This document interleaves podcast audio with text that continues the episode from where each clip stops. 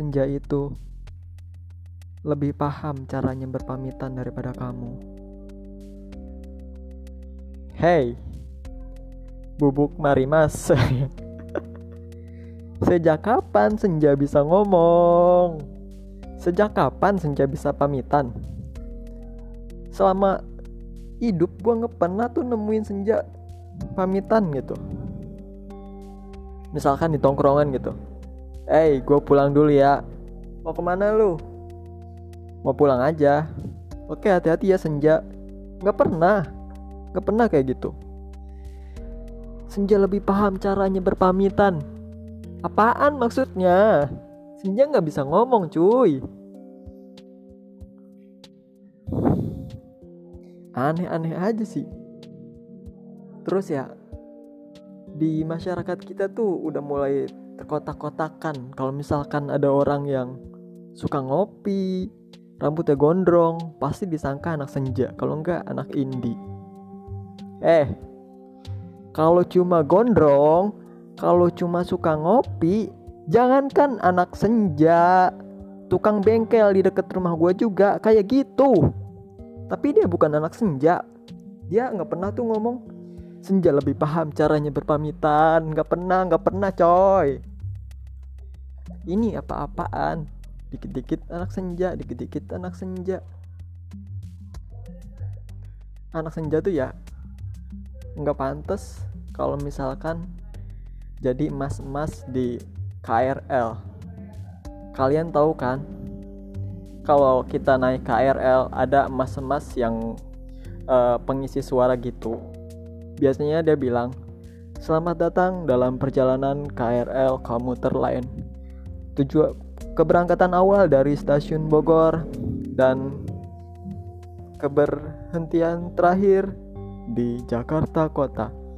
Perhatikan barang bawaan Anda jangan sampai tertinggal. Itu kalau orang normal kayak gitu ya. Ini kalau misalkan anak senja yang jadi mas-mas pengisi suara KRL nggak bakalan bisa, nggak bakalan cocok jadinya tuh absurd gitu aneh misalnya gitu anak senja dipaksain buat jadi mas-mas pengisi suara KRL mungkin jadinya gini.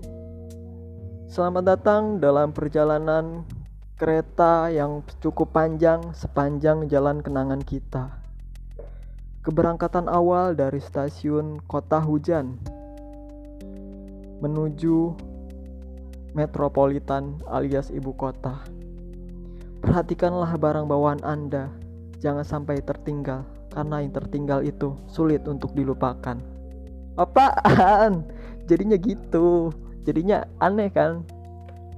Terus ya, anak senja tuh katanya jarang sholat maghrib atau sering ketinggalan sholat maghrib gara-gara terlalu sibuk buat menikmati senja bersama secangkir kopi. Eh nggak gitu juga ya, nggak gitu juga jangan mencap orang secara menyeluruh. Karena itu hanya oknum aja. Nggak semua anak senja tuh uh, ninggalin sholat maghrib. Nggak semua anak senja telat sholat maghrib. Nggak kayak gitu. Ada juga kok anak senja yang jadi imam. Tapi sebelum jadi imam dia ngopi dulu. Pokoknya anak zaman sekarang tuh dikit-dikit senja dikit-dikit senja. Apa sih aneh gitu. Kalau nggak senja kopi. Senja kopi senja kopi. Itu tuh udah nyatu banget ya kayak kulit sama daki gitu. Pokoknya nyatu aja terus itu senja kopi senja kopi. Kayak nggak ada diksi lain aja gitu. Kan kata-kata di bahasa Indonesia banyak. Ada apa gitu. Nggak harus senja kopi nggak harus senja kopi. Kan bisa bajigur wedang jahe waktu duha nggak harus waktu senja terus yang lain juga bisa. Lagian ya anak senja tuh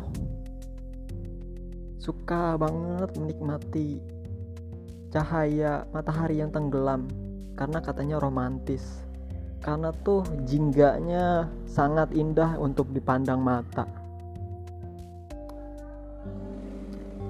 Hei anak senja maghrib maghrib tuh di rumah ya orang Betawi itu budayanya. Kalau maghrib dia ngaji bukannya ngopi. Bukannya sambil ngeliatin matahari bukan gitu. Lu diparanin sama mak lu tahu rasa lu. Misalkan gitu lu lagi menikmati senja bersama secangkir kopi.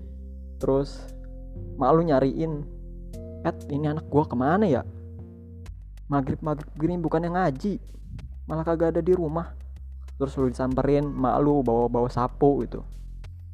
Terus ketemu eh balik. Ngapain lu? Ngapain? Ngapain sama kopi? Maghrib maghrib di pinggir pantai. Ngapain? Pulang ngaji. Terus Maya sebel. Pantatnya digebuk pakai gagang sapu. Emang lu mau kayak gitu? Kan nggak lucu. Kayak jokes jokes ini nggak lucu. Udahlah gitu aja sampai jumpa di podcast selanjutnya masih di sini di podcast keluh kesah dari mengeluh menjadi sebuah kisah. Bye bye.